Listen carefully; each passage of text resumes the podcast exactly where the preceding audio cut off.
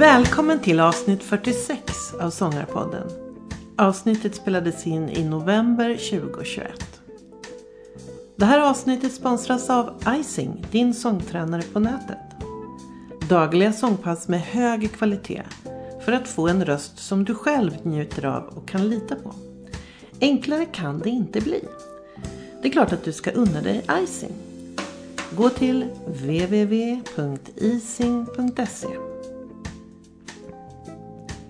hur många har inte redan blivit inspirerade av henne? Rösten, viljan, glädjen, nyfikenheten och passionen att dela med sig av kunskap till andra sångare. Vi väntar på Marie Bergman.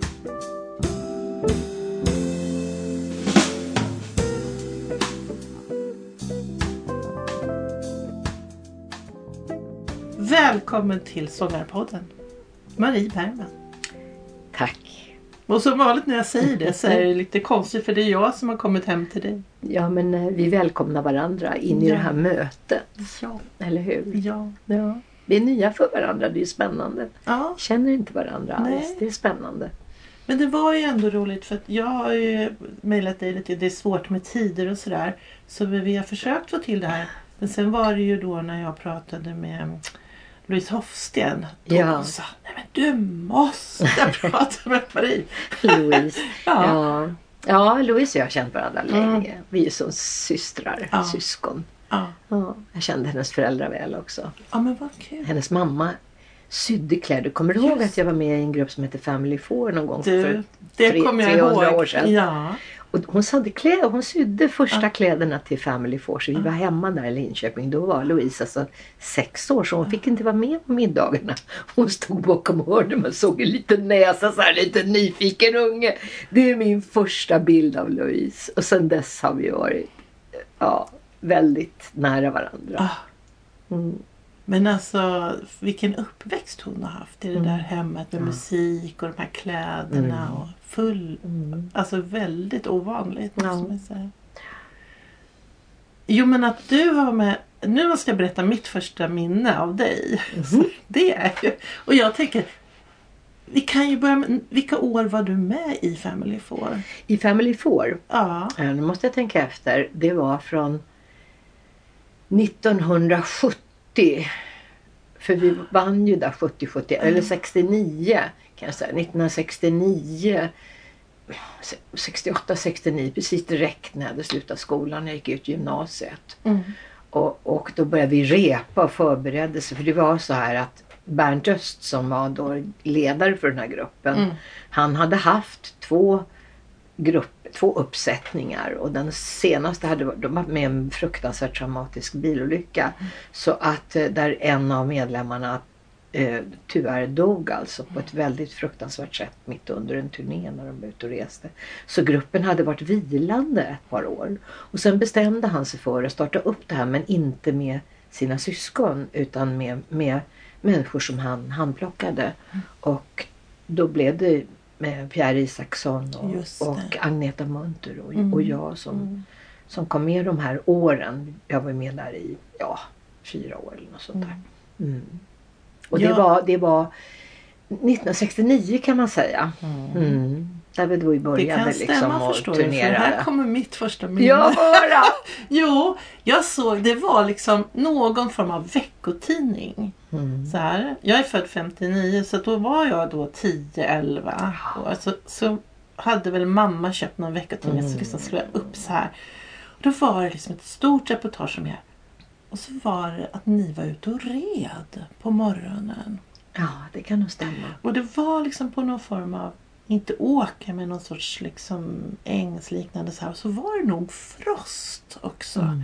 Så ni var ute där på, och solen sken och så var ni där ute. Family Four ute och rider på morgonen innan de åker till studion. och jag, jag kom också här. Herregud. Ja, Vilka bilder, vilka exakt, signaler man skickar ut. Förstår du? Vilken, Ja. Jag trodde jag skulle smälla av. Finns det människor som har så här? Mm. Och Du vet, hela min hjärna gick igång där.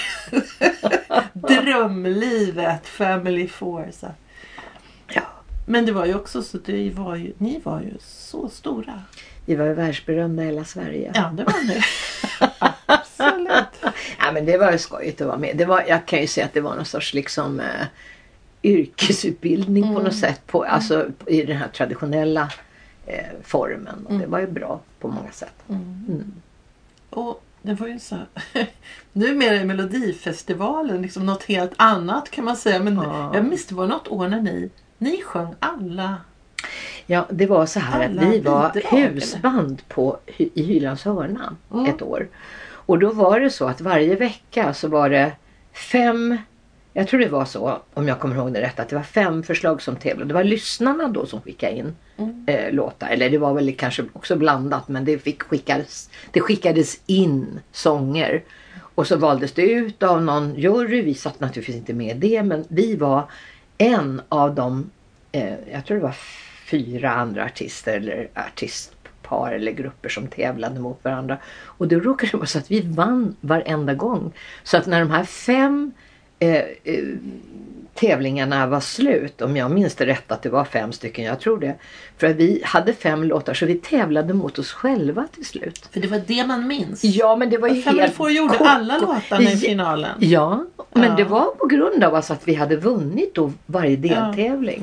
Och det kanske inte var direkt meningen att det skulle bli så men Det blev det så. blev så för att då, då på den tiden var det lyssnarna enbart tror jag som, Mm. som, som eh, eh, vad heter det? Ja, fick skicka in och rösta. Och det är klart att då låg vi naturligtvis i framkant för vi var ju med där och, och vi var ju väldigt folkkära. Det var en väldigt folkkär grupp. Absolut. Det var väldigt trevligt att få, få uppleva det en, en liten stund i Ja. livet. Att Ja. bli så om, omhållen. Sen blev man inte så omhållen när man slutade sen. Men, men det är en annan historia. Men i alla fall så, så eh, då var det så att ja, men liksom, vi, vi var en del av folkhemmet. Absolut. Så var och det det är nog. lite svårt nu att inse för idag så är det ju allting så man får musik från så många olika håll. Ja, Då var det var en annan att, tid. Ja. En annan tid men ni var ju alltså, ni var väldigt stora.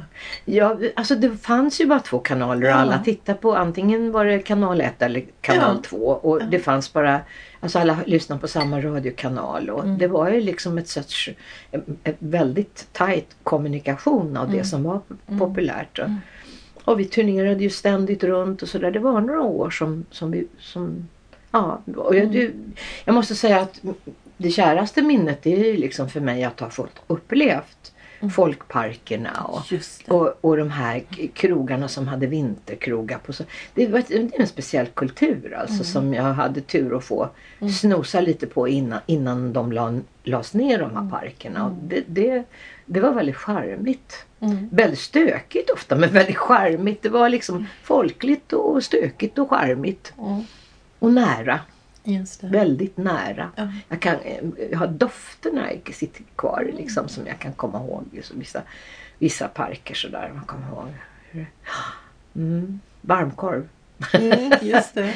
Varmkorv och trägolv. Lite fuktigt sådär. Mm. Lite, ja, ja, ja. Men det var roligt att få vara med om det Mm. några år. Absolut. Och sen minns jag just det här att det blev någon sorts folkstorm när du slutade.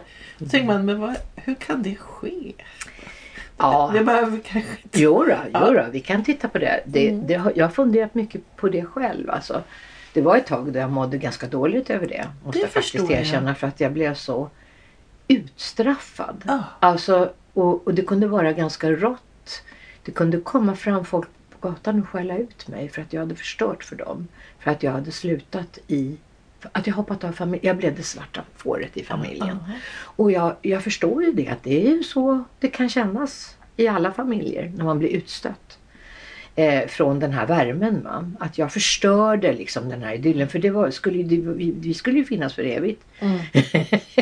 Men nu kan jag ju se det som att ja, det, det är ju så livet är. Mm. Och, eh, eh, men det tog ett tag innan jag kom till sans och förstod att ska jag fortsätta med musik och vara artist då kan jag inte sträva efter att göra alla glada och lyckliga. Jag kan bara sträva efter att vara sann mot, mot mig själv och vara nöjd med det. Och hoppas att det är så många som möjligt som uppskattar det och blir glad av det. Det. Men att, jag, att man också tål att Men det var, det var extremt därför att det, vi var ju så folkkära och det blev ju liksom en sån besvikelse. Och det blev mitt fel. Jag blev liksom, fick, blev en syndabock. Mm. Tror jag. Och mm, så var det alltså. Ja, jag minns det. Gör och jag var ju det? liten. Ja. Jag var ju men, någon sorts, kan jag ha varit då 13, 14 eller lite men det, Och jag minns att vet- det var så här att så Ja. gör man inte. Nej, Och så- nej. Och det Idag så kan man tycka, men Ja. vad var det där för någonting? Ja, så det var inte så länge sedan. Det inte... Men du vet att sen va, när den här lilla söta flickan med korta kjolarna och kepsarna och, det. och, och, och eh, permanentat upprullat hår och lösögonfransar och klippte av sig håret, satt på sig ett par jeans och en stor tröja och slutade att makea sig, skriva egna låtar om frigörelse. Då var det liksom, då var, då, det var liksom, där går gränsen. Och då hade jag sån himla tur, ser jag nu efteråt, att jag stannade, jag, jag lät mig inte stoppas av det. Jag, jag tror jag blev väldigt ledsen. Mm. Men ja, det får man ju ta. Jag kan förstå det nu. Jag kan förstå den reaktionen nu. Men jag hade sån himla tur att hela Norge stod med vidöppna armar. För de hade ju ingen aning om Family Four.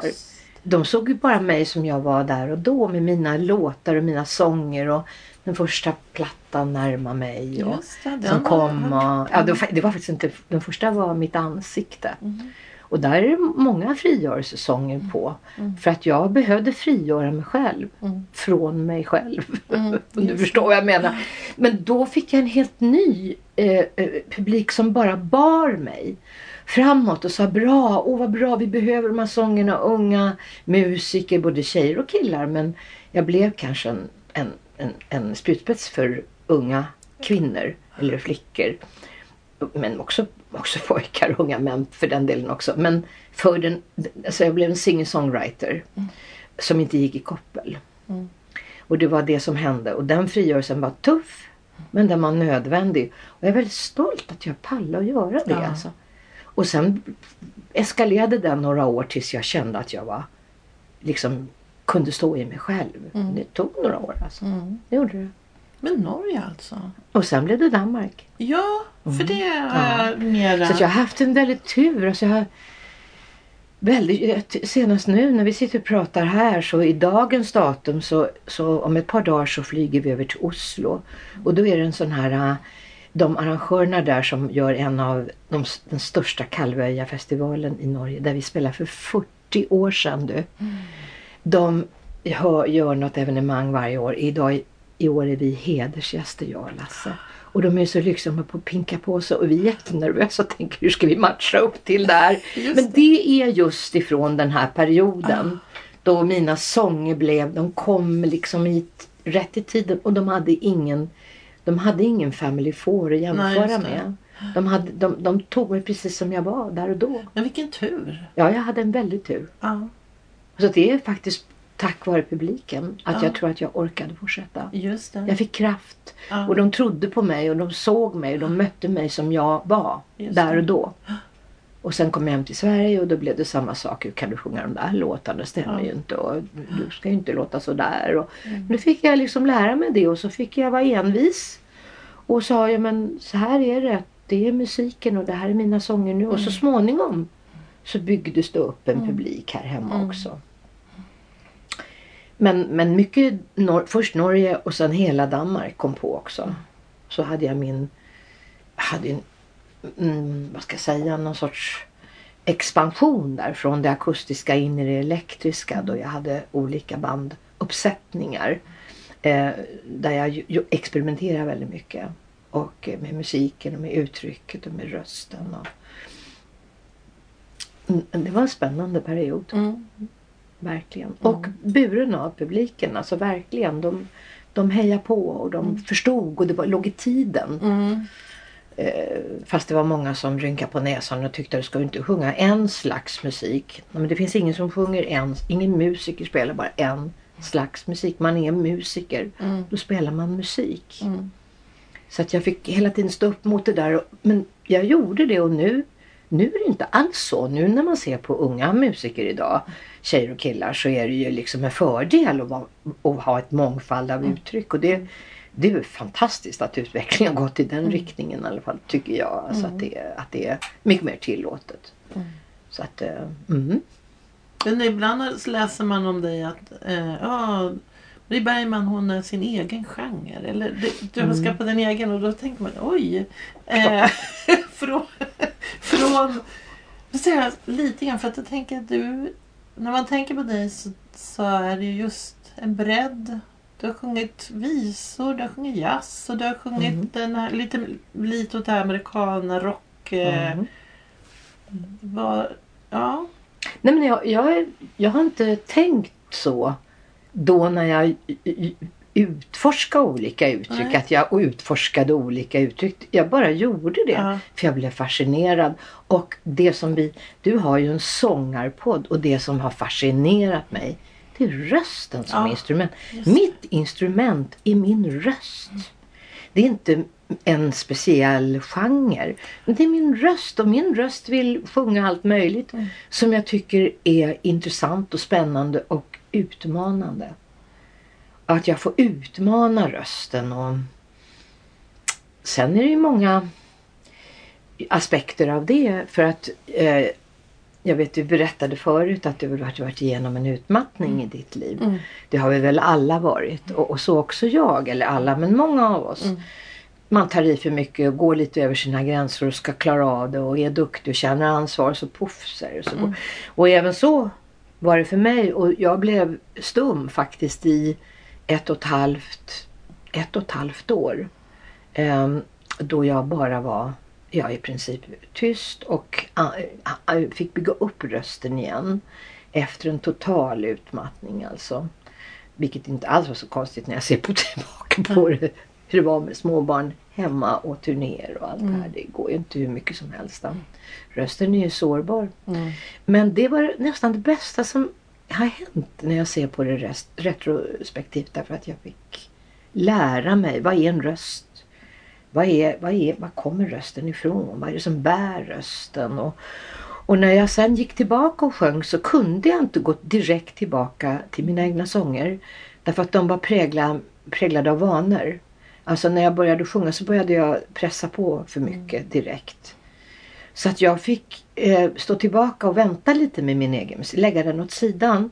Så att jag började sjunga jazz. Mm. Och det var så det började och det var inget konstigt för att det har jag gjort sedan jag var liten. Jag har em, en bror som är jazzmusiker. Så att jag snodde ju hans plattor och lyssnade på alla. När jag växte. Sarah Vaughan var en av mina favoriter. Och, och sen så små, ja men alla, alla, herregud.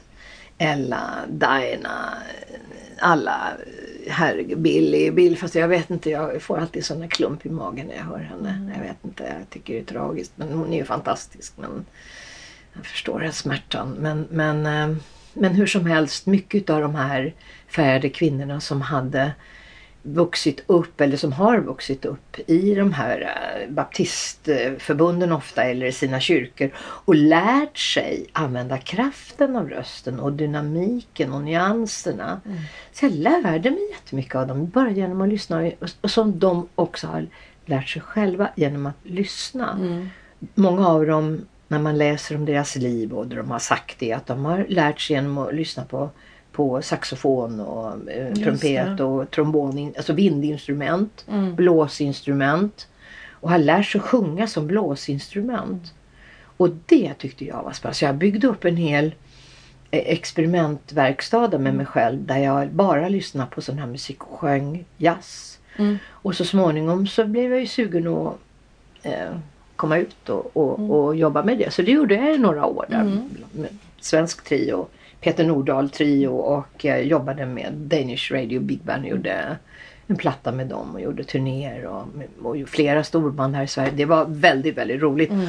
Och jag lärde mig en naturlig teknik. Därför att när man sjunger jazz måste du vara väldigt precis. Men du, det får inte vara tråkigt. Det får inte vara för tekniskt. Det blir ju ingenting. Utan du måste ju ha kvar din spontanitet och din värme. Och den kombinationen där gjorde att när jag började sjunga min egen musik så sjöng jag på ett annat sätt. Mm. Så att jag lärde mig genom att sjunga en annan genre. Mm. Så där kan man se, och det tänkte jag inte på då utan det har jag förstått efteråt. Mm. Att jag valde att göra på det sättet. Just det. Mm. Det där är ju jätteintressant. Mm. Jag gick hos en sångpedagog i flera år som sa just det. Den här låten kommer du märka kommer att ge dig eh, det kommer ha effekt på den andra låten. Och så jobbade hon hela tiden. Ja, Vilket smart. är Superbra. jätteintressant. Så jag måste sjunga den här. Ja, för att du vet, sen kommer du att få lättare Bra. att sjunga den här. Vilken smart. Vad hette hon? Du måste ge henne cred. Ja, Eva Bolin Strandberg. Hej Eva Bolin Strandberg, vad Mm. smart du är. Ja. Precis då. Learning by doing. Mm. Inte sitta och hålla på och eh, tänka hela tiden på vad du gör. Det blir ju urtråkigt. Man tappar... För mig var det så att jag har alltid varit en spon... otroligt spontan Mm. eh, eh, sångerska. Jag fick ju lov att lära mig teknik för att skydda rösten. Mm. Och det blev en bra kombination så småningom. Men jag blev tillfrågad om ett eh, professorat i Danmark. Så jag har varit eh, gästprofessor i sång i fem år. Vad Och- intressant. Ja, och, Ja. Det, och, det, och, och det, när man sett på det så tänkte jag så här, så här att eh, ja, det här är intressant. För de vill inte ha några mera lärare till skolan i sång som bara lärde ut teknik. Utan Just de ville ha någon, och då hade jag just börjat kombinera teknik med min spontanitet. Mm. Så att jag hade börjat förstått hur jag skulle göra det. Men de här fyra, fem åren då jag, var, då jag jobbade faktiskt nästan helt, jag tog en del, del ströjobb på sommaren, turnéer och sådär. Men jag fokuserade jättemycket på att bygga upp en pedagogik.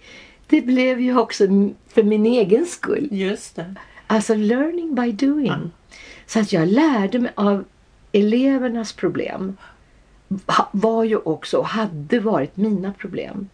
Nästan alla var ut, utslitna i rösten. Eh, hade ont i huvudet, hade ont i ryggen, tyckte inte det var roligt. Vi fick börja från början och bygga upp att teknik behöver inte vara någonting som man ska göra rätt och vara rädd och misslyckas och hålla på hela tiden och bara göra rätt. Utan det ska vara naturligt. Andningen, bärigheten, klangen, lyssna. Få vinst när du, när jag, oh wow, där satt den liksom. Vad- vad- nu kändes det bra. Så vi byggde upp liksom en hel, jag byggde upp en hel pedagogik de där åren. Och jag lärde mig jättemycket själv. Jag har fortfarande kontakt med flera av mina, mina elever. Ja, ja. Och de använder fortfarande det här tänket när de nu är, är professionella artister och så vidare. Det är jätteroligt, jätteroligt. Nej, men det, vad ska man göra? Alltså man är vid källan. Och liksom, vi fick börja om liksom, och ta bort all den där inlärda tekniken Mm. och säga hur ska vi se det som hjälp och bärighet till Mm. rösten? Mm. Och eh, för att det visade sig att problemen för det mesta satt i att de vågade inte misslyckas. Mm. De, var, de trodde liksom att de skulle göra det de kallar för rätt då, Mm. citationstecken. Och man kan inte sjunga så. Det blir ju urtråkigt. Det, Mm. det, går, det blir ju helt avkönat liksom. Mm. Att göra rätt hela tiden.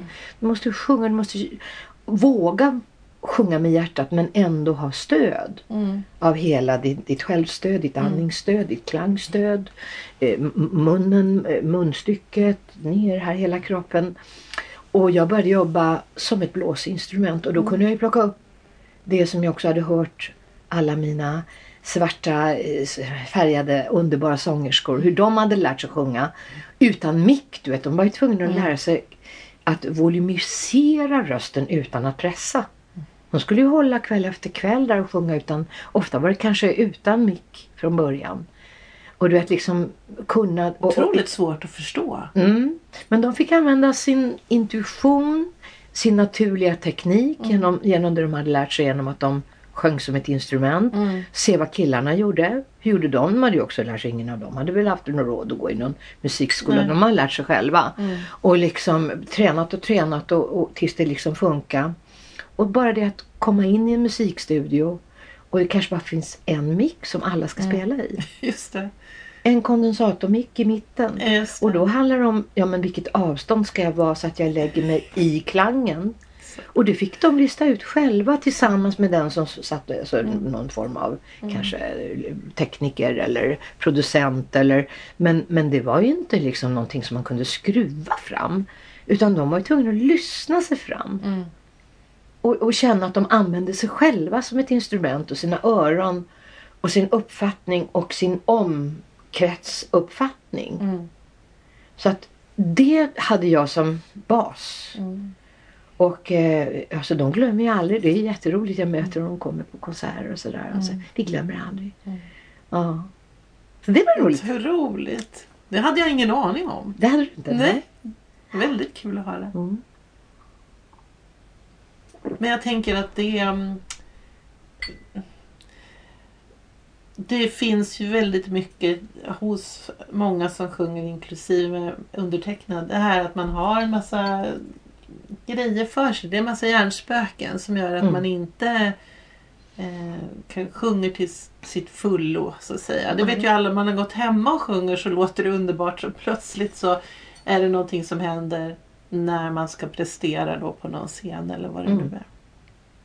Så att, eh, Prestigehelvetet. ja men precis. Teknikhelvetet. Ja. Så säger man i Danmark. Mm. Alltså, eh, det går inte att fastna där för då tappar du all glädje och du känner att det handlar bara om att räkna de lyckliga stunderna och så kan det aldrig vara i musik. Därför att det är en ständig liksom, ett sökande och ett finnande och man måste göra misstag eller man måste känna att man måste våga Mm. göra. Så får man lära sig av det och så går det liksom. Mm. tror jag Miles Davis som sa att you learn from the mistakes you Mm. do. Alltså det, man måste göra misstag. Det som man upplever som, nu var det kanske inte så lyckat men bara jag vet hur ska jag jobba för att få det bättre nästa gång eller få Mm. det så att det känns, upplevs bättre. Men, men, men det hela har ju liksom mynnat ut. Jag jobbar jättemycket på musikkonservatorierna och eh, sen hoppade jag av hela den eh, institutionaliserade pedagogiken för att kunna göra kurser själv. Och då började jag att arbeta med toning. Mm. Så att när folk kommer här till mig ibland och, och jag hade senast en, en eh, elev här igår, en vuxen tjej. Hon har sjungit, och har en väldigt fin röst men absolut ingen, in kontakt med självstödet. Och det, det går ju inte för då blir ju sången, det är ju orättvist mot sig själv. Och därför sången blir en, eh, ibland går ibland går inte. Den blir en dag, alltså den blir dag, dagsfärsk. Det blir, mår man bra och det funkar och man kommer in i flow så går det bra och sen är det ändå då det inte går alls. Man fattar inte, vad är det nu? Men det är aldrig något fel på rösten. Utan det, eller fel, men alltså det som kan förbättras är ju den här kontakten. Mm. Att du tänker att du, att du bär ju liksom sången med luften. Mm. Med själv, och det är det som är självstödet. Och då får de tona här alltså Mm. hos mig. Och börja så, för att det finns ingen prestige i toning. Då kommer man bort ifrån det där helvetet. Nu säger du, kallar du självstöd. Det är Mm. något, na- alltså det du menar är naturligt Ja. stöd som man inte... För det har jag också tänkt. Att eh, man pratar om stöd och så är det många som undrar här, men vad finns stödet? Ja, Om jag nu ska Att det blir en krycka eller Ja, det men- blir en vägg eller... Ja, och så, Mm. så ska man liksom kämpa Ja. för att ha något stöd någonstans. Istället nej. för att bara tänka men om jag tar ett andetag och är lugn och avspänd och sjunger för att det är härligt så har jag stöd. Så. Men alltså ljud är luft som rör sig. Ja. Och luft kan inte röra sig utan att man andas. Det är vibrationer. Mm. Så egentligen vad du jobbar med är vibrationerna i kroppen. Och det, det har jag jobbat med senaste 10-15 åren. 15 åren faktiskt. Att se på det som ur det perspektivet hjälper väldigt, väldigt mycket. För att rösten expanderar på ett naturligt sätt eftersom du fördjupar och förankrar ditt självstöd. Och eh, munstycket, det vill säga munhålan som är vårt munstycke då, att du liksom arbetar med klangen. Så att du får liksom en fylligare ton, en varmare ton. Och det blir ju också roligare då att sjunga. Det är ju bara det att det blir roligare. Det blir wow! Mm. Man får rosor på kinderna och man blir tårögd ibland av, av att oj nu känns det så himla bra. Ja. Det är väl det som är hela meningen Mm. med sång. ja. Eller hur? Ja. Men jag är jättenyfiken på din toning. För jag, jag har ju sett då, du, ibland kommer det i Facebookflödet att du har toning i, kyrka. Det har aldrig varit ett datum där, jag, där det har funkat. Det kommer inte göra nästa gång heller, tyvärr. Men berätta om toningen. Ja. Det började för, ja nu är det 14 år sedan alltså för att, och det är så länge sedan, men det är det. För att det hade, alltså i med den här vurpan jag gjorde själv med min röst. så fick jag en sån väldig respekt för rösten också. Jag kan inte hålla på och behandla min röst hur som helst. Den kan inte bara gå efter min piska. Att nu ska det bara fan fungera här. Och, och det är faktiskt en liten sidoberättelse innan jag går vidare här med toningen var att jag, det var en av de första grejerna jag lärde mina elever både i Danmark och i Stockholm på konservatoriet här där jag också arbetat många år som konsultlärare. Eh, och eh, jag fick lära, jag fick, alltså de fick, när de sa, började skälla på rösten och det blir aldrig och den här jäkla rösten funkar aldrig. Stopp, så jag. Be om ursäkt. Ursäkta Marie. Nej men jag ska inte ha din ursäkt, sa jag. Visste ju att det skulle komma. Nej, nu får du ta ett par andetag och så får du be om ursäkt i din egen röst. För det är aldrig röstens fel. Det är du som är instrumentet. Rösten bara låter. Det är du som, det är inifrån. Alltså tonerna, flow, kommer inifrån. Det beror på hur du bär det. Och hur du behandlar ditt instrument. Åh, ja. Och så blev det liksom en hel som liksom ett värnande om instrumentet och att expandera när det liksom kunde funka ut i full, full blast. Eh, så jag kallar det för halleluja blast. Så, wow.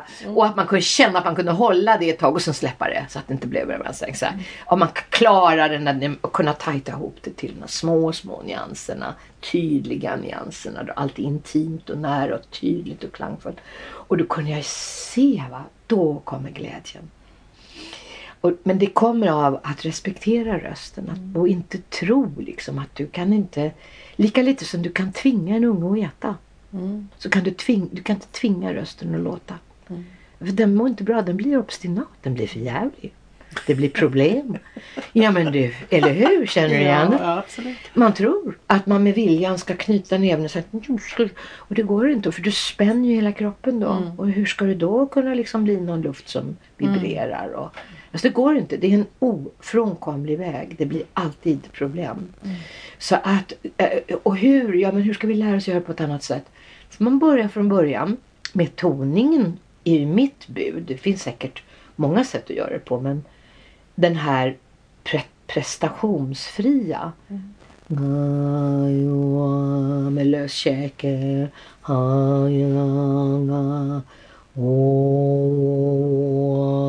Jag bara kör vokaler. Jag, jag, har, jag, jag är, vokaltonare.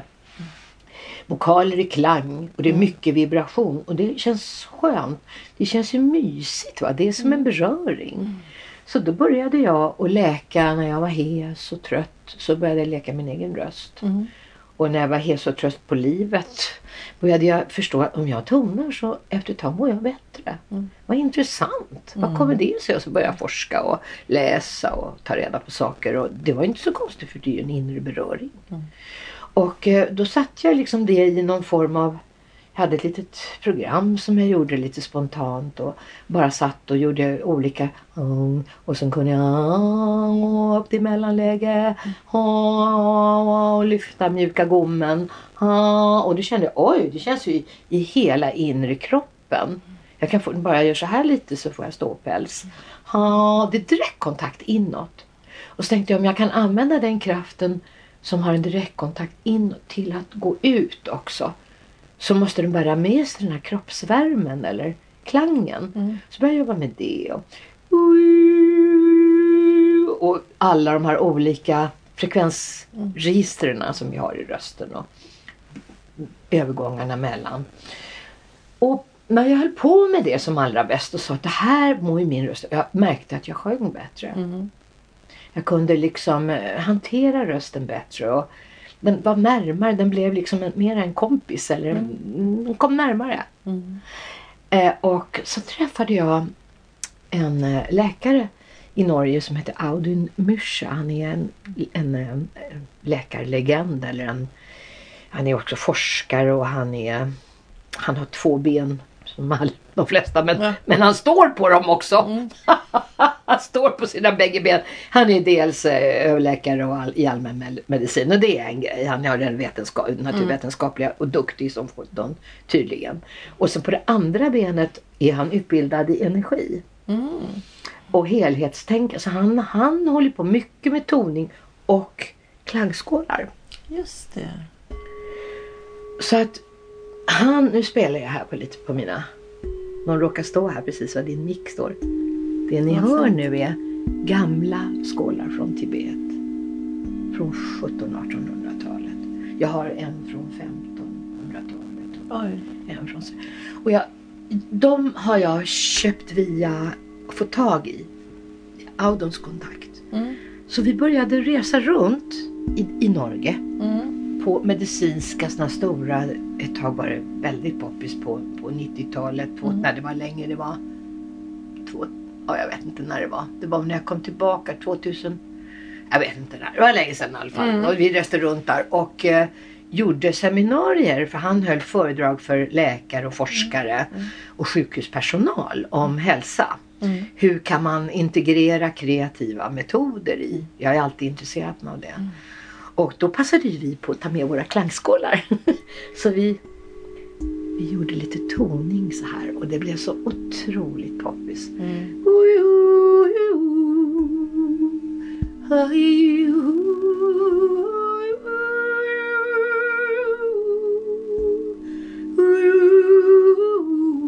Och så vidare. Och så tonar vi tillsammans och så pratar vi om forskning. Han har gjort mycket forskning på neu- neurologiska sjukdomar. Och, och där är musik väldigt, väldigt effektfullt. Direkt så blir folk bättre med rytm och lå- sånger som de känner igen. Och det hjälper liksom kroppen att läka och komma åt Ja, läkande. det är fantastiskt. Ja, det är fantastiskt. Ja. Och eh, på den vägen, och jag lärde mig jättemycket och jag har läst mycket och jag for- beforskade mycket i det här området. Och sen samtidigt så arbetade jag tillsammans med en annan forskare Mm. här hemma som heter Gunnar Björsell som har byggt upp hela det kallas nu för den kulturella hjärnan på Karolinska sjukhuset. Han är från början stamcellsforskare. Mm. Men han har forskat mycket i eh, gemenskap och Mm. vad är det som gör att folk blir friskare av trygg gemenskap? Och Det kan vara konserter, det kan vara dans och Mm. yoga, det kan vara rytm, det kan vara toning. Mm. Det var ju mitt bud. Mm. Så plötsligt förstod jag liksom att det är en enorm potential. Mm. Därför att det har ingenting med prestation att göra. Det. Det har med, det har med, det är en annan kommunikation. Och då ringde jag till dåvarande nyblivna kyrkoherden som är numera en av mina bästa vänner i Katarina kyrka, Mm. Olle Karlsson. Och eh, han hade då byggt upp hela Allhelgonakyrkan i Stockholm med en väldigt speciell eh, eh, repertoar. Ja, det var väldigt fint. Det var mycket varm gemenskap, mycket Mm. läkande. Det gick åt, åt det läkande hållet och det omhändertagande hållet. Och, Mm. Ja, och han blev ju eld och lågor och sa Tror du att jag skulle få komma till din stora kyrka? För jag, jag var så fascinerad av den här ak- och så akustiken. Du vet. Och den här stora, stora vackra rummet. Jag älskar Katarina. Mm. Kyrkan, den är fantastisk. Den är så mjuk. Mm. Vit med stora vita mjuka valv. Alltså, väldigt mjuk.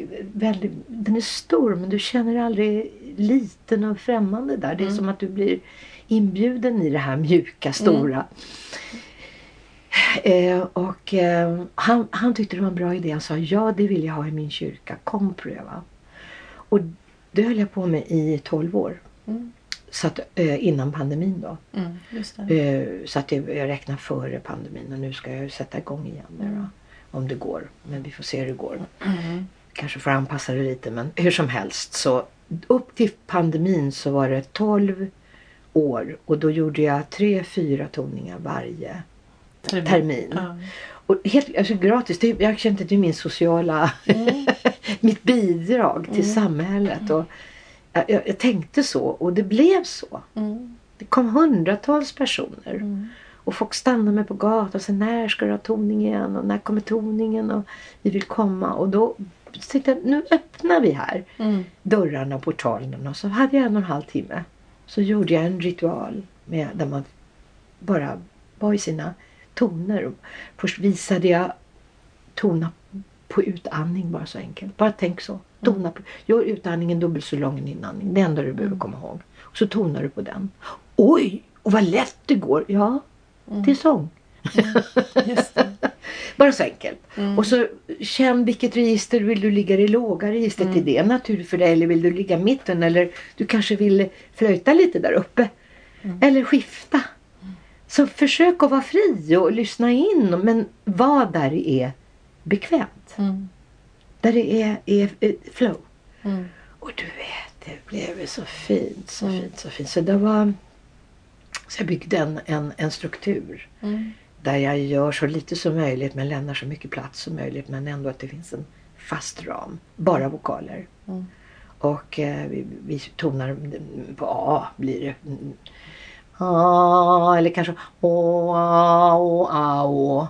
Mm. Och vi står i en ring eller en cirkel och folk får gå in i mitten om de vill. Och de gör det och tar emot, både tar, emot Mm. och ger. Och sen går vi omkring hela kyrkan. Mm. Det är fantastiskt. Det är så vackert som man smäller av. Alltså. Mm.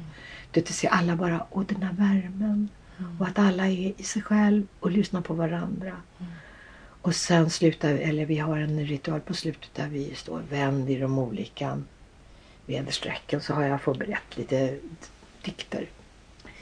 Eh, som jag tycker om, eller delar av dikter. Så, att, så får, läser jag det i varje, så man har någon, någonting att gå på. Och så börjar alla tona vad de känner i den här Mm. lite olika register. Och det blir väldigt Mm. vackert alltså. Mm. Och det märkliga är att någon sätter igång det. Jag försöker att inte ta initiativet. Utan jag tänker, ja, får se var det börjar nu. Mm. Och sen slutar det. Alla slutar samtidigt men jag dirigerar ju ingenting. Vad intressant. Ja. Mm. Och det är någonting som kallas för entrainment på, i den fysiska världen. Att det är som fågelsträck. Man följer varandra intuitivt. Det är också en träning av lyssnande, intuition, eh, gemenskap, Mm. mänsklighet, medmänsklighet. Och, ja, och så sjunger vi ordlöst på slutet. Mm. Fritt sådär Mm. bara. De som vill och det bara man vill. Och jag säger alltid men du kan sitta tyst och vara med om du vill. Om Mm. du känner dig generad. Men det är nästan ingen som gör det. Utan alla vill vara med. Men, men om man vill det Mm. kanske man pröva och man är lite generad sådär. va. Så kan man sitta och blunda om man vill och ta in det här. Det är väldigt, väldigt vackert. Mm. För det är mjukt. Så att det är toning. Så nu tar jag upp det nu på nyårsafton igen. Mm, jag såg det Ja. och det var därför jag sa att jag kan... Ja, det komma. Det blir nog fler gånger nu. Så jag, jag ska... Ja, jag det ska... vore väldigt roligt att Ja. få vara med och för att. Vi gör det där tillsammans. Jag är lika mycket tillsammans som alla andra. Jag tar initiativ och gör själva jobbet. Det ska jag ju inte sticka under stol med. Mm. Men, men, men det är lika viktigt för mig. Alltså. Mm. Jag gör inte bara det här för andra utan jag gör det här för oss. Ja. Människorna. Vi. Att Det är så mycket forskning nu som visar på nyttorna med sång och Ja. musik. Med Ja. musik med en sä- särskild sång. Då. Ja. Så tänker jag att eh, ja, de här körstudierna med Mm. hjärtslagen och till exempel. Oxytocin. Ja. Serotoninet. Dopaminet. Det finns hur mycket som Mm. helst. Som Men det är ju ganska roligt för det har ju alla som sjunger vet, har ju redan vetat om att vi, må, vi vill sjunga, vi mår bra Mm. och vi känner av det Mm. nu. Men det är ändå bra att man får det så fakta. Det är vetenskapligt visat. Ja, jag tror att det är bra. Jag, jag är lite nörd vad det gäller forskning. Jag tycker Mm. om forskning. Mm. Jag tycker om att ta del av Jag tycker det är fascinerande människor som fördjupar sig i Mm. någonting och verkligen tar reda på. Det är väl fantastiskt. Mm. Det är jätteintressant. Ja men det är det för då vet man. Det, kan ju vara mycket som är så att man eh, ja, man drar för stora växlar på någonting. Mm. Eller det finns andra faktorer som spelar in. Och därför är det ju bra att veta. Ja men det är det här. Om man Mm. gör det här så Mm. blir det på det här viset. I like it. Men, och, men, och det, det var faktiskt en grej som hände med mig i, i, i med de här toningarna så var det så många eller flera i alla fall, må, Mm. alltså många kanske är 20 Mm. eh, utav de här som, som då och då mejlar mig olika, eh, efter olika toningar som sa jag vill bara tala om det att jag mådde, jag fick aldrig någon, jag har aldrig fått någon mejl att någon har mått dåligt någon gång. Jag, det kanske är så att det är någon som har gjort det men jag vet inte om det och det är ingenting som har visat sig. Nej. Utan tvärtom så fick jag då mejl om Eh, och det är därför jag tror att också jag är noga med strukturen. Mm. För att göra det tryggt. Mm. För att är det tryggt så, så, så är möjligheterna eh, större. Att du slappnar av i det och liksom är med i det. Mm. Får inlevelse och får Mm. en vinst i det. Och hur som helst så, så fick jag mejl efter mejl. Folk sa att jag hade ont i huvudet när jag kom. Jag visste inte om jag skulle gå. Men efter toningen så var det borta. Jag hade ont i ryggen eller länden eller jag hade någonting där eller där. Eller jag hade, och jag var orolig men efter toningen kändes det bättre. Mm. Och då började jag undra vad är det som händer? Mm. Jag kände mig så glad och även eh, Olle. Han sa jag mötte någon i bageriet kom han en gång in. Och hon var så glad hon hade varit på din toning. Vad gör du för någonting med dem? Jag sa jag, jag gör ingenting. Vi gör någonting med oss själva och varandra. Mm. Och det är en naturlag Mm. som går igång. Vi är ju däggdjur. Mm. Ryggradsdjur. Och det är någonting som den här vibrationen och den här trygga kommunikation och villkorslösheten. Att Mm, det är ingenting det. som krävs utan du är bara där i någon sorts sinnlighet eller Mm. innerlighet kanske bättre ord. Vi mår ju bra av det. Mm. Jag mår jättebra av det. Jag försöker att inte liksom ta på mig något jätteansvar. Jag känner jag, jag är ceremonimästare men jag är också en del. Mm. Och, och, då- och då började jag forska. Beforska ska jag säga för jag är ingen forskare utan jag är bara en, en amatörnörd. Men, men det föll så in att jag fick en bok i mina händer av en av de som hade varit i toningen. Och den personen, det var en man. Mm. Jag vet inte vem det är. Jag känner inte hans namn. Men om han hör det här nu så får det vara honom evigt tacksam. Hör av dig! Ja. Därför att det blev en vändning i mitt liv. Mm. Och det var en bok om en forskning som kallas för The Polyvagal Theory. Mm. Vagusnerven. Mm.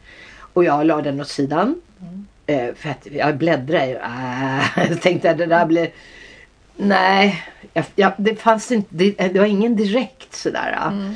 eh, kontakt mellan mig och boken från början. Men sen, ja, men som det är i livet. Va? Jag tittade på någon, något föredrag, någon online-grej från USA. Och, eh, och det här var nu eh, fem år sedan ungefär, fyra, fem år sedan. Och de pratade om vagusnerven och vagusnerven och polyvagal theory. Och jag tänkte, det där känner jag igen. Så jag gick och tittade, men det är ju den här boken. Mm. Du vet, så blev det liksom en, något som sa att du Just ska inte glömma den här boken hörru du. Mm. Och sen började jag, ja som man gör, googla och slå. Mm. Men det gav mig inte precis allt. Det gav mig en dos eller Mm. en doft. Mm. Men sen började jag läsa själva forskningen. Mm. Och det höll jag på med faktiskt i två år. Alltså. Mm. Det är inte helt enkelt men det är otroligt spännande. Mm. Och då blev det så för mig att det var många tioöringar som ramlade ner där i min skalle och det blev liksom en, en sedel. Mm. Det, gick i, det, blev en, det blev en aha-upplevelse Mm. för mig. Alltså. Mm. Eh, och det är ju en teori. Det finns, ingenting, det finns inga sanningar egentligen med någon forskning. Det är ju bara teorier. Det är hypoteser. Man ser att det stämmer och sen kan det ändra sig. Men det här är någonting som vi behöver förstå, tror jag, i våran utveckling. Mm.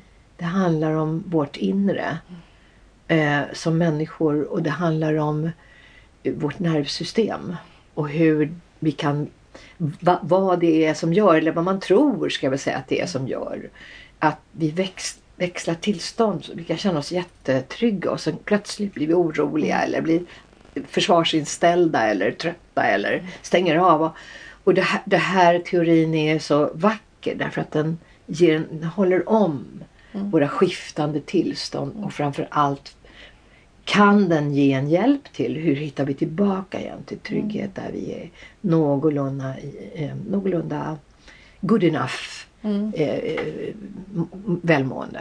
Jag tror inte på det, alltså, den eviga lyckan.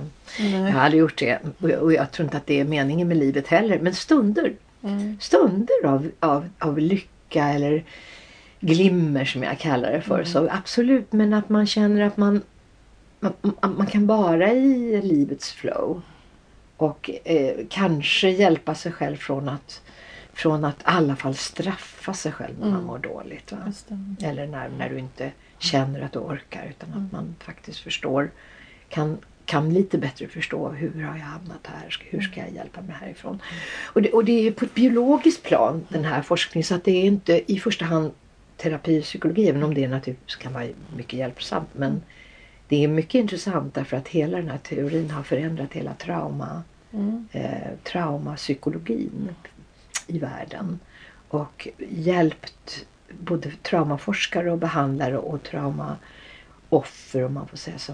Är vi inte det alla? Vi har alla traumer i våra liv och livet är ju så. Mm. Stora och små. Men att vad är det som gör att vi kan fastna där och vad är det som gör att vi kan komma loss? Och Mm. hur ska jag kunna hjälpa mig själv att komma vidare eh, med hela min kropp? Mm. Alltså inte bara genom att man biter ihop käkarna och, och det, det vet vi, det håller inte va? Det håller ett tag kanske. Men med hela ja, du vet ju själv. Mm. Och alltså, hur ska jag kunna hjälpa min kropp att få leta sig till som man kallar för homeostasis Mm. om och om igen. För vi kommer ur. Det är meningen att vi ska, vi, vi har ju hjärnor som är på det, eller or, or, organismen är på det viset. Mm. Vi söker hela tiden faror och, och liksom försöker att mm, klara oss. Mm. Eh, och det är ju det som gör att vi överlever. Men vi kan också följa hjärtat och söka efter stunder av eh, välmående, Just det. stunder av lugn, av eh, att man är tillfreds. Mm. Så att man inte hela tiden är försvarsinställd. Mm. Och, jag, och, och det, varför jag berättar om det här är att om man nu drar i det här sammanhanget, om man drar linjen till rösten Mm. så är detta någonting som spelar i rösten i allra högsta grad. Därför när du är stressad så sätter det sig direkt på rösten. Mm. Det vet både du och jag. Mm. Och därför kan ju också rösten vara en väldigt, väldigt bra lärare. Mm. En vägledare för att om jag lyssnar på rösten så kan jag förstå vad jag behöver göra för att hjälpa mig själv. Och inte hela tiden tvinga rösten att vara perfekt. Utan rösten kan visa mig vad jag kan hjälpa mig själv med. Mm. Så att jag får en bättre flow Mm. i mina vibrationer, i mina ljud, i mitt ljudande och mitt, min, mitt uttryck. Hela vagusnerven är connectad, är Mm. förbunden med, med ansiktsuttryck, eh, lyssning, eh, röstkommunikation. Men du, det, att tänka så var väl ganska jättespännande.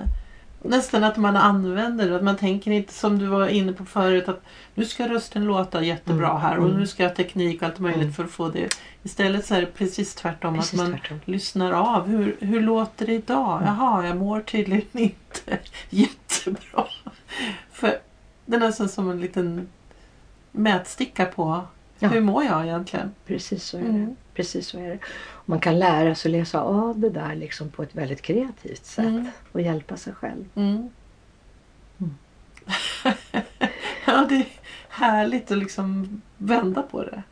Ja, alltså för mig så har det, jag lever så nu. Mm. Och jag sjunger så nu och jag Mm. använder min röst så nu och jag försöker att eh, hjälpa människor att se det här Mm. och upptäcka det här själv. Man måste upptäcka det här själv Mm. Och liksom förstå, jag, jag, ja. Och det är en jättehjälp alltså. Mm. Det är en jättehjälp. Folk som har varit låsta i åravis kommer loss alltså. Mm. Mm. Låter jättespännande. Mm. Sen måste du berätta mer om de här klangskålarna. För det är inte bara toning utan du jobbar med de här klangskålarna på människor. Ja. Jag är utbildad sedan många år tillbaka som det kallas för klangmassör eller klangbehandling. Och det kom så det jag berättar när jag började jobba med de här skålarna med Mm. Audun, Audun Mysha. Ja. Så blev jag ju så intresserad av att lära mig mer. Mm. Och då när jag satt och forskade, beforskade och letade runt som man gör du vet så kom jag på den här utbildningen och det här var intressant. Det är alltså en tysk eh, snubbe som heter Peter Hess, farbror. Det. Som har, eh, han var ljudingenjör, eller är ljudingenjör.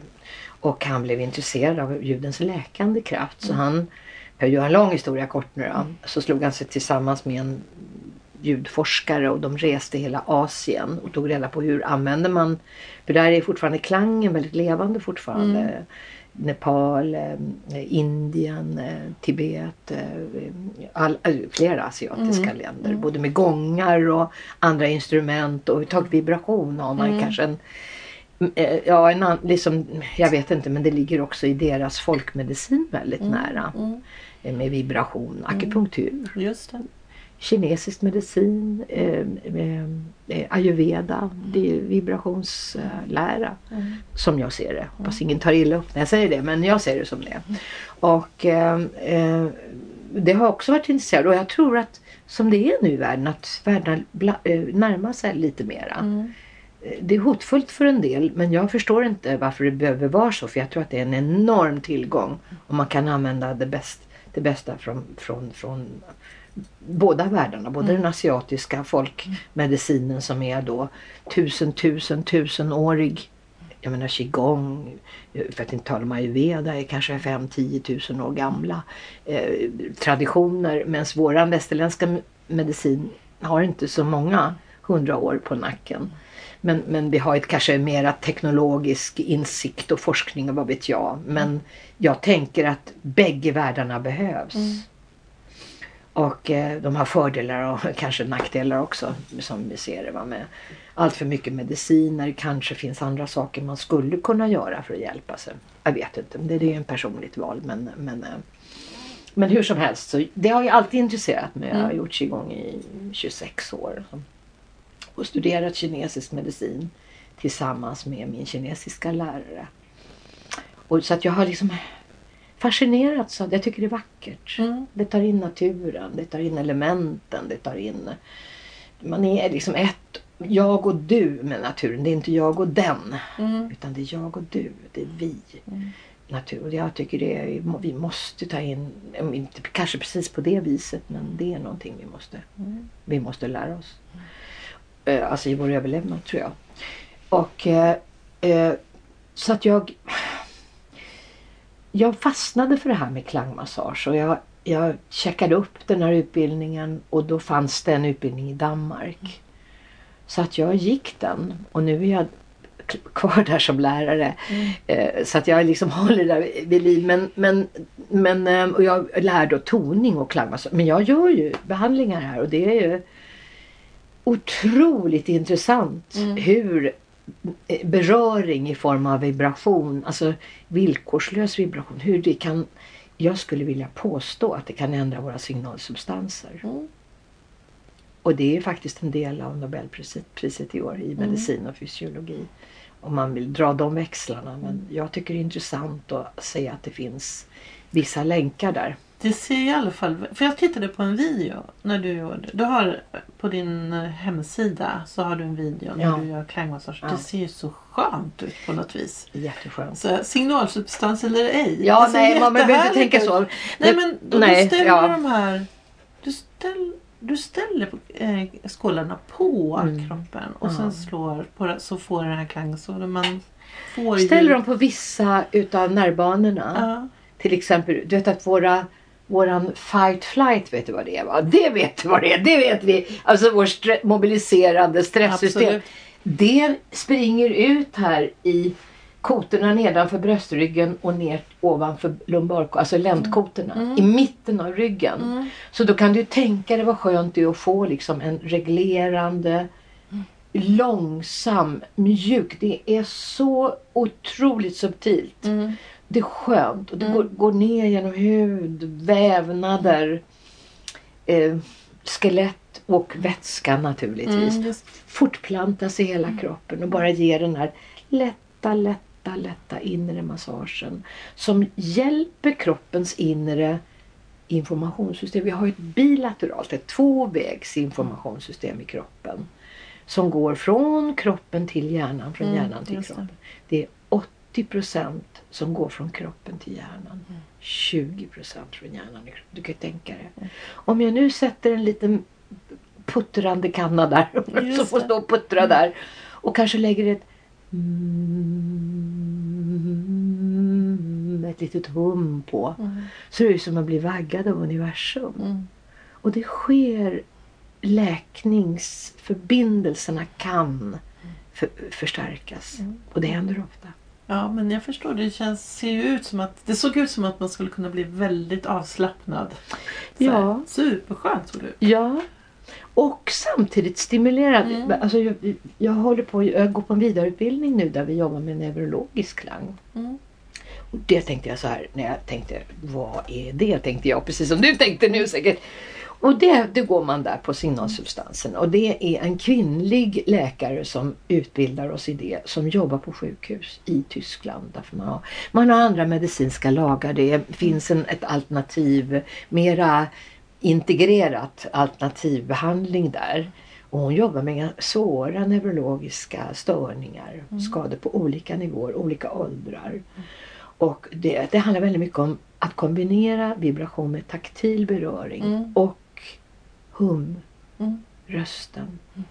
Och det, det jag, jag är förbluffad av hur och, och, det är liksom att du trycker lite lätt så här bara, in, väldigt försiktigt på att den här kontakten. Mm. Du, det, är liksom, det, det, är som att du går rakt ner i cellen och säger Åh hej och tack! Åh. Det är som, åh liksom. man kan känna, man kan känna den där, bara den här väldigt väldigt försiktiga, djupa kontakten. Mm. Och det kan ju läka brister som du har haft i år. Det kan göra det. Mm. Säg inte att det alltid gör det, för jag, jag, man får vara väldigt ödmjuk. Men möjligheten finns och bara att möjligheten finns. Att man provar och säger efteråt. Jag säger alltid till de som kommer. Känn efter hur det känns mm. efteråt. Mm. Och det kan vara allting. Jag hade en, en kvinn, två stycken här igår. Den ena kvinnan har haft eh, kompression i kotorna här i länden. Mm. Och alltså hon, hon blev hon säger att hon, hon blev smärtfri efter första behandlingen. Hon ska göra tre behandlingar. Och jag vet inte hur det kan gå till. Jag, jag kan ju inte se in i kroppen. Mm. Men antagligen är det att hon slappnar av. Mm. Och att det också är att den här vibrationen kan göra att det blir cirkulation mellan, mm. mellan kotorna på något sätt. Va? Ja men det är väl inte otroligt. Nej. Men vad spännande men förstår då hon kommer tillbaka. Ja, ja hon kommer till tre, tre gånger. Ja, ja. Vad, hur har det blivit nu mm. emellan? Hon tyckte, ja det har blivit, hon hade varit smärtfri i över en och en halv vecka. Sen har det kommit tillbaka lite grann. Mm. Så nu får vi se. Vi får se. Alltså, jag, jag påstår inte att det här är någon sorts eh, eh, mystisk magisk grej mot mm. allting. Utan jag tror att här kroppen kan hjälpa sig själv. Alltså mm. att man, en, en, den andra eh, eh, tjejen som var här igår hon har just opererat sin fått en, en, en, eh, hon har opererat först den ena och sen nu nio år efter den andra. Och för henne att bara få släppa spänning. Man går på kryckor du vet och hon har inte ont säger hon. Men bara att hon känner och liksom få kontakt med, med, med fötterna. Man var jätte, jätteförsiktig. Det är ju mm. titan som de sätter in och stora block så man får inte man måste, man måste vara utbildad när man gör det därför att det är jätteviktigt att veta vad man inte ska göra. Även om det är väldigt försiktigt och subtilt. Så är, mm. man måste liksom känna hela tiden att nej men vi går runt här och så stärker vi det som är friskt liksom, mm. för att kunna bära upp. Mm. Och det är så försiktigt men det, det, det funkar alltså. Mm. Kroppen tar till sig de som suger som näring åt sig det här. Det kanske är kroppens sång. Mm. ja men jättespännande. Ja, Fortsättning det... följer helt enkelt. Ja, ja, ja, ja, ja. Det, jag kan ju liksom... Eh, det finns ju hur mycket som helst. Mm. Och, och jag tror att det hjälper en för mig gör det i alla fall. Så när jag, dels kan jag använda min, mina gitarrhänder mm. som känner, precis som ni på gitarren, var, mm. vilka ackord. Så kan det, händerna kan känna ibland och de är också, har ju så mycket vibration i sig. Jag spelar ju mycket fortfarande. Mm. Så att jag, jag, tror att det är liksom att de, de blir som instrument. Mm.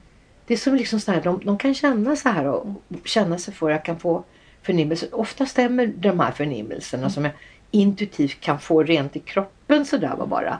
Mm. Och det jag tror inte är så konstigt. Men mm. de, de, jag kan ju byta ackord med gitarren så kan jag ju känna på en kropp. Mm. Och att man inte ser det my mer mystiskt än så. Nej, det är en träning va. Alltså mm. man måste träna sig till den här. Mm. Den här jag menar folk tittar på människor som gör, le, som gör lerkrus. Deras känslighet i händerna. Det är samma känslighet. Man vet hur man ska forma, man känner sig fram, man följer. Man följer och vet hur leran lär sig. Jag kan följa en andning, jag kan se hur den liksom andningen, och det är nästan så kroppen säger, kan du flytta handen lite längre till höger tack? Det gör jag ofta och säger så, åh det var bra, jag tänkte just på det. Det har hänt många gånger. Och det är inget mystiskt. Mm. Det här äger vi. Mm. Det är samma grej jag använder när jag sjunger. I min, i min, i min inlevelse och min kreativitet. Det är inget konstigt. Det är bara att jag använder det. Men jag tror alla kan göra det. Jag tror det. Och det är en träningssak. Ja, just det. Det är en träningssak. Mm. Om du betänker. Vi har ju en vagusnerv som går överallt i kroppen. Det är Mm. vår största, längsta nerv. En av de viktigaste. Vi har flera viktiga nerver men den här binder ju ihop flesta av våra organ och våra livssystem. Och har den här, den här tvåvägsinformationen så att hjärnan vet hur den ska kunna hjälpa kroppen. För det första så var det inte länge sedan, sedan vi inte förstod, som vi kunde säga med att kropp och, och, och hjärna var två olika saker. Mm. Alltså det är inte länge sedan. Och fortfarande så är det lite motvilligt från vissa, vissa natur... Men alltså det är ju helt vansinnigt. Hur skulle det kunna vara på ett annat sätt än att hjärnan är ju en del av kroppen? Ja, det kan är ju fullständigt vansinnigt. Ja. Ja. Jag menar, det var ju inte länge sedan man sa att spädbarn inte kunde Ja, känna. Så hemskt. Mina, mina i, i, i generationen innan mig. Det är inte länge sedan. Nej. Så att vi, vi, vi så att eh, det här med helhetsseende och att förstå att allt är förbundet. Men jag tänkte på, jag träffade en hjärtspecialist, en pensionerad Mm. amerikansk läkare. Som, som, han visste att jag höll på med vagusnerven. Jag gör ju också föredrag och Mm. försöker visa alltså, på ett väldigt enkelt sätt som man ska kunna ta det här till sig. Förstå en, in, en sorts inre karta.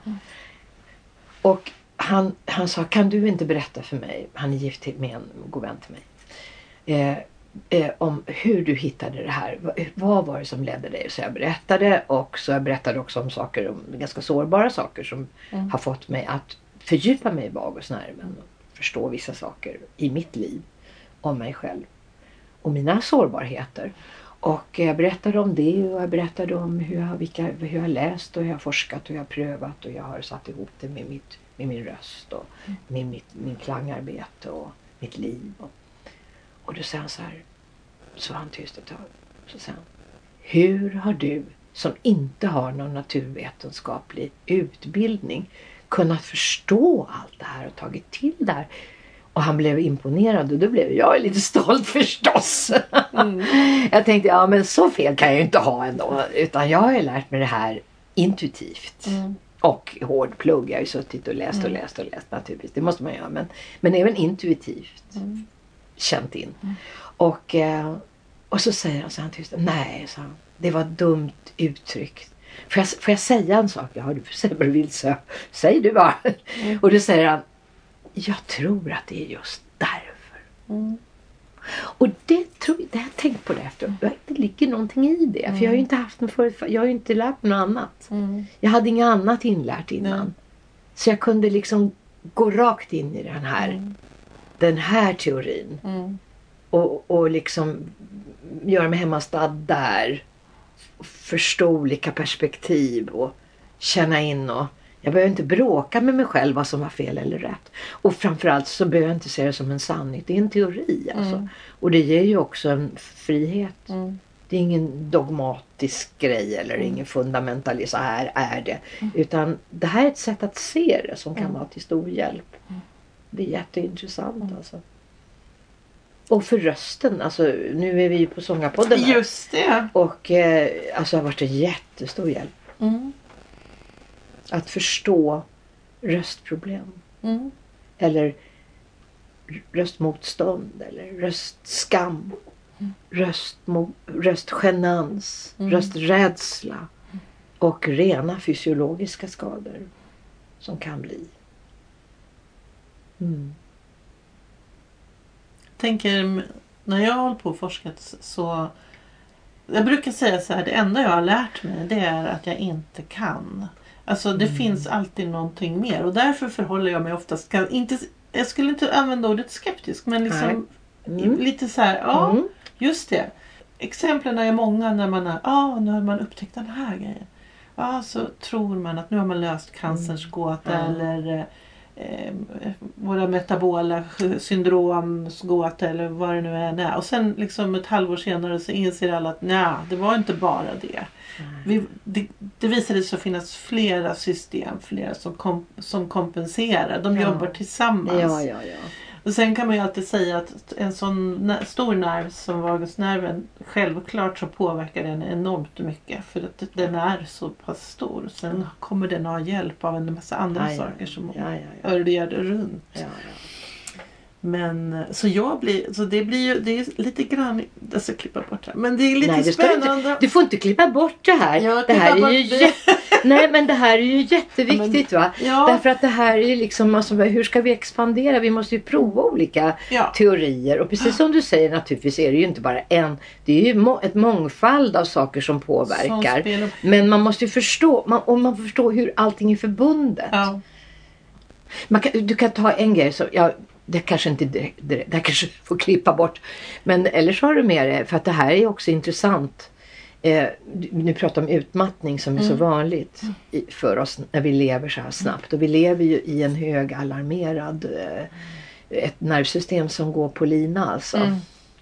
Och ibland har man ju ingen säkerhet, man, man ramlar och så har man ingen, inget säkerhetsnät. Mm. Och det intressanta är i, i, i hela den här vagusteorin som är så vackert. Att det finns en tipping point när du går över dina egna gränser och inte går tillbaka i tid. Alltså man räknar ur kroppens perspektiv. Mm. Precis som jag gjorde och som säkert du gjorde som många, många som lyssnar på det här. Om du tar med det här också har gjort och gör.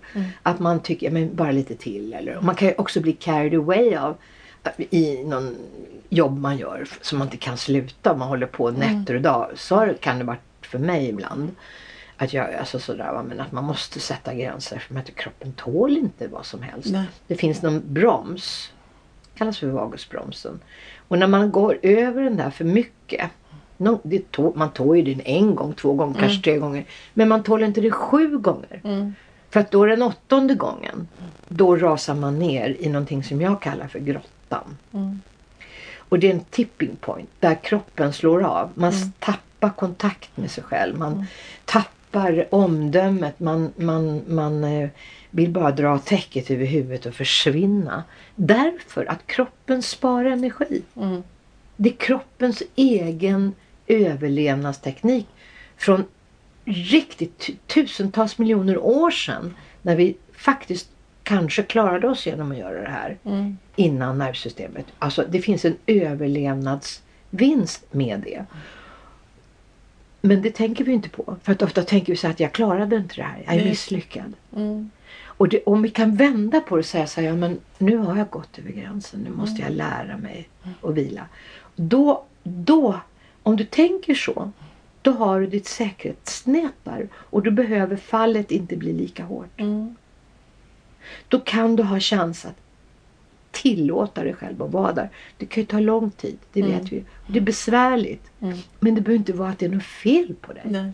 Och om vi tar bort det och säger att ja, men jag gick över gränserna, jag, jag pushade mig själv för hårt och jag, jag, jag klarar inte av att stoppa, jag, jag, nu måste jag vila. Om du har kvar länken till att du kanske då och då kokar en god kopp te och unnar en bulle eller Mm. kanske då och då tar du ut och går i skogen och stannar upp i ett vackert träd. Eller då och då tar det tid att klappa katten om du har någon eller, eller gosedjuret. Eller alltså träffa en god vän en kort stund så mycket du orkar. Att du tar in det.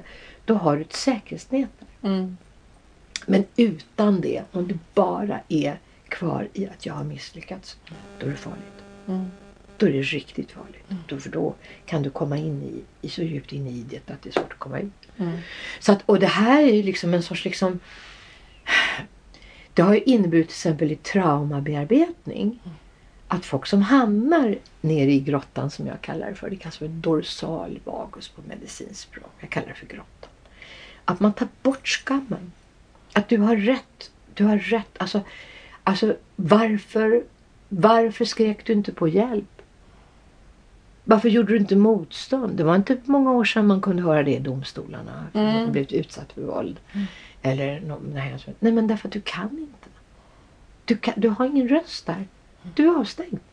Och om du vet om det och känner ja men det kanske räddade mitt liv eller jag kunde inte, jag kan inte anklaga mig själv för det utan jag, nu måste jag bara eh, eh, reparera. Mm. Försöka att reparera genom att tillåta mig själv eh, eh, vila och komma, långsamt komma tillbaka igen upp i någon form av varm, icke pressad energi.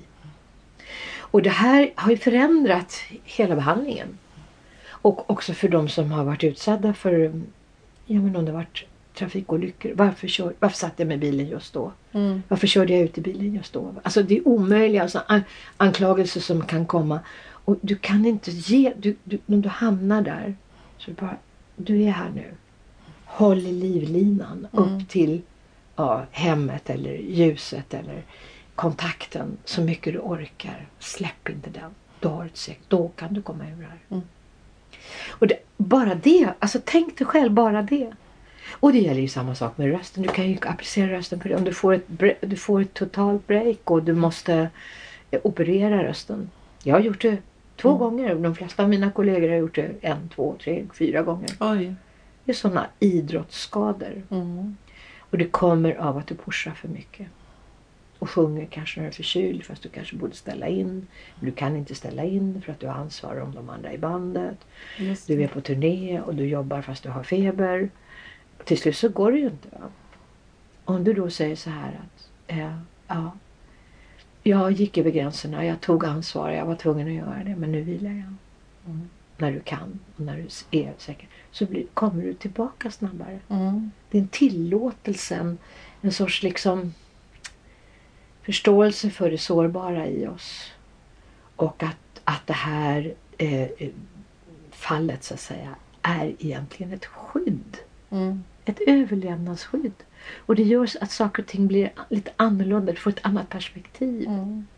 Och ta bort det där att jag klarade inte av det. Mm. Så att det, det är många aspekter i det här som man kan verkligen anamma och känna eh, eh, ja, när jag har hållit föredrag om det här så har det varit ja, både poliser eh, eller studerare, en kille som studerar på polis. Han sa vi skulle behöva lära oss det här allihopa för att förstå vad är det som gör att vi går upp i försvar snabbt. Mm. Och om man gör det, tänker jag att man vet att man gör det. Så man kan lugna sig med andningen till exempel Mm. i en farlig situation. Att du kan ha kvar, alltså det här man, man skjuter för snabbt eller Mm. ibland måste man, måste man naturligtvis göra det, det är inte så jag menar. Men han menar på, nu förstår jag, jag förstår att jag kan hjälpa mig med, med att få den här kartan. Just. En annan tjej som var psykiater, hon var ledare för ett stort team där som jobbar med psykisk ohälsa. Hon sa att det här, jag skulle vilja att alla, alla på min avdelning här kunde förstå det här. Så att man inte för snabbt går upp. Mm. Utan man tänker så här, okej jag ska vara lite vaksam. Mm. Men jag ska vara kvar i min lugna andning. Just. Det kan du direkt applicera på rösten. Du kommer in i ett sammanhang och plötsligt så är det då, alltså taskig medhörning eller ljudet funkar inte eller det är nå- någonting som inte funkar. Andningen går upp. Mm. Om du då kan känna så här, ja det är taskig medhörning, det funkar inte riktigt, jag är skitnervös, hur ska det gå? Om du istället tänker, det ska bli intressant att se hur det här går. Jag fortsätter att andas djupt och är kvar i min förankring, i min livlinje här nere.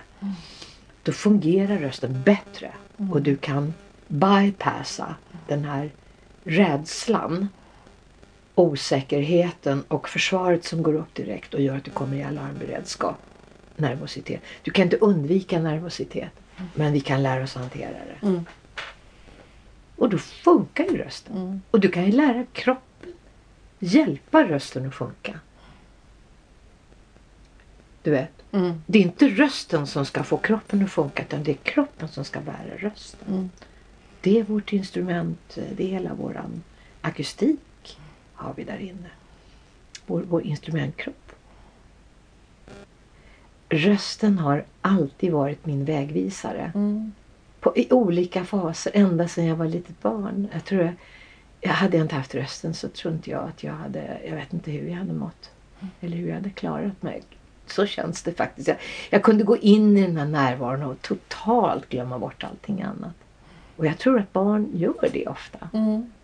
Det, det, och, och sen kommer naturligtvis på den här kulturella hur det ska låta, hur det ska vara. Mm. Då får man trockla sig igenom det tills Mm. man hittar någon sorts ankare i sig själv och, och sådär. Va? Men, men, men, och det tror jag kanske också man måste gå igenom. Mm. Men jag tror att det är en naturlig liksom, överlevnads... Det är en sorts...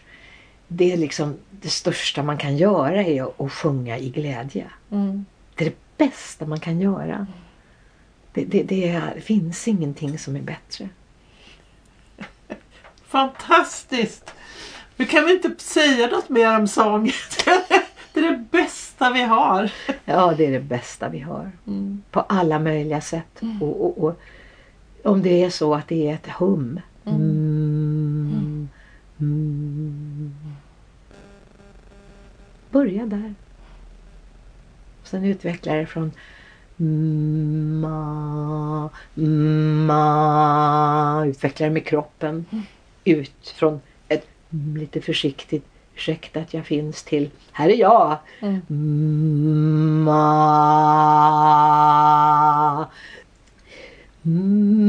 Må. Ut med händerna bara, låt det vibrera här. My. Du vet. Men eh, eh, eh, man mår bra av det. Och sen kan man komma till dig. Ja, kan, och man kan komma till min kör. Ja, du har kör. Ja, jag har en kör nu. Jag har haft det i perioder men jag har ju själv gått i kör jättemycket Mm. under min, jag har gått i Adolf Fredriks musikklasser och så där gick det var kör på schema till och med. Det var ju fantastiskt. Som man har i varenda skola. Mm. Eh, men nu har jag en kör på Contempel som är Just på Skeppsholmen. Då kan man gå in på contempel.se ja. på hemsidan och titta under evenemang så hittar man min bild där och där. Ja. Det börjar i februari. ja Åtta gånger. Mm. Ja. Och det, man behöver inte kunna någonting. Det är det där. Mm. Men man lär sig förhoppningsvis någonting kanske. Mm. Mm. Och så kan man komma hit och få klangmassage. Mm, kan man få. Vad kan man mer få? Ja, jag jobbar ju med allt som har med ehm, den, i det egna läkningssystemet att göra. Så skulle jag vilja säga det. Mm. Kan, vi jobbar ju olika. En läkare jobbar i, i den ena änden, jag jobbar i den andra i sådana fall. Mm. Men med läkning. Mm. Men med självläkning. Ehm, och hitta det och kanske stimulera det och hjälpa det. Men med all möjlig, allt. Jobba med, med tapping, vet du vad det är? Ja, man gör såna knackar Ja, just det. I olika, och tre olika ehm, metoder. Mm. Gör någonting som heter havening, de har strykers också. Också Mm. forskningsbaserade. Alla de här metoderna är forskningsbaserade. Toning Mm. eh, som vi redan har pratat Mm. om. Och, och sen just med, med, med skålarna på, Mm. på kroppen om man vill. Mm. Eh, mm, Man går in på din webbsida och så får man läsa ja, det kan man göra. Och titta lite på den där videon med klangmassage. Det var Mm. jättefint. Vad fint, tack. Ja. ja, jag försökte, att- försökte att visa liksom. Ja. Mm. I, det parasympatiska systemet, det här vilosystemet vi Mm. har ju, det som också har med matsmältningen att Mm. göra. Eh, där finns det mycket, mycket, mycket eh, läkningskraft. Mm. Och vi, alltså man måste, faktiskt man kan säga det är sällan man kan använda ordet måste, men här kan man göra det att vi människor måste hitta våra personliga som en kod och komma in i det här systemet. För det kan också vara skrämmande att- koppla av. Mm. Det kan vara skrämmande att släppa stress som man har Mm. byggt upp. Så det är inte alls så självklart att bara slappna av utan försiktigt och tryggt trappa ner. Så det är som ett gift stressen. Mm. Nästan alla sjukdomar baserar sig i för hög stress för länge. Mm. Det är inte farligt att vara stressad korta perioder men om vi, att det blir kroniskt som det är för många eller långsiktigt som det är för många idag. Mm. Det är rent skadligt alltså. Och det, då blir det som ett gift och då, då måste du trappa ner försiktigt. För annars så mår inte... Och då kan det vara bra med sån här, man börjar med toning, man börjar med tapping eller med hävning. Bara för att försiktigt lugna ner och inte att det inte är något farligt eller att Mm. man känner att det är obehag. För det måste, måste vara tryggt. Mm. Annars hjälper det inte. För att då går du, om det inte är tryggt, då går du tillbaka till Mm. stress igen. Så att det bygger på en upplevd trygghet. Mm. Så, och det är viktigt för mig att säga det, för det är inte bara så enkelt att man bara ska slappna av hur som helst. Mm. Det, det är inte så självklart för alla idag. Nej. Vi ska inte bara säga att det är dåligt, med, men det behöver inte... Och li- lite stress kan också, man mår bra av det. Alltså man får lite eld i baken ibland. Men vi kan ju inte hålla det för länge. Nej. Det är det, utan det är en temporär Mm. eh, liksom up flame på något sätt. Liksom, man måste släppa Ja, det. men sen. kanske det till och med är så att man ska... Det är just rörelsen emellan. Att Exakt, det det tror jag. Det är som en pendel. med- Det är som en ja. pendelrörelse. Jag det ser är det som det som är harmonin. eller Ja. Och där finns leken och där finns Ja, liksom, just det. där finns liksom man, man går in i, upp i energi och så går man tillbaka och tar igen sig lite grann och gör lite mysigt. Och liksom tar hand om sig och så går man upp igen och så Mm. gör, får man någonting gjort och så gör man det och så släpper man det så tillbaka. Den där pendeln. Mm. Och den finns också i rösten. Mm. Den är den pulsen i rösten, den friska pulsen. Att den, man går upp liksom i intensitet och så går man in i intimitet. Och det finns liksom, jag kallar det för en anemonrörelse. Ah, Kan du se det liksom? det. Anemonen på havets, i, i havets botten. Så den, man expanderar och så går man ihop. Mm. Expanderar som andningen. Det är liksom så. Mm. Livets puls. Mm. Den kan inte bara vara upp och ut och ut Nej. och ut. Eller in och in och in. Utan det måste vara hela tiden en Mm. sån här fluktuation. Mm. En puls.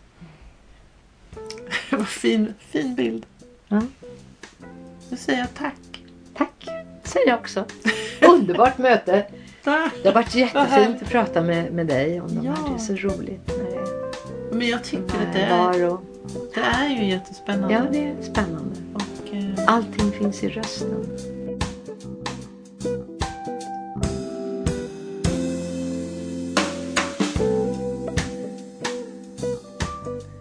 Du har lyssnat på Sångarpodden.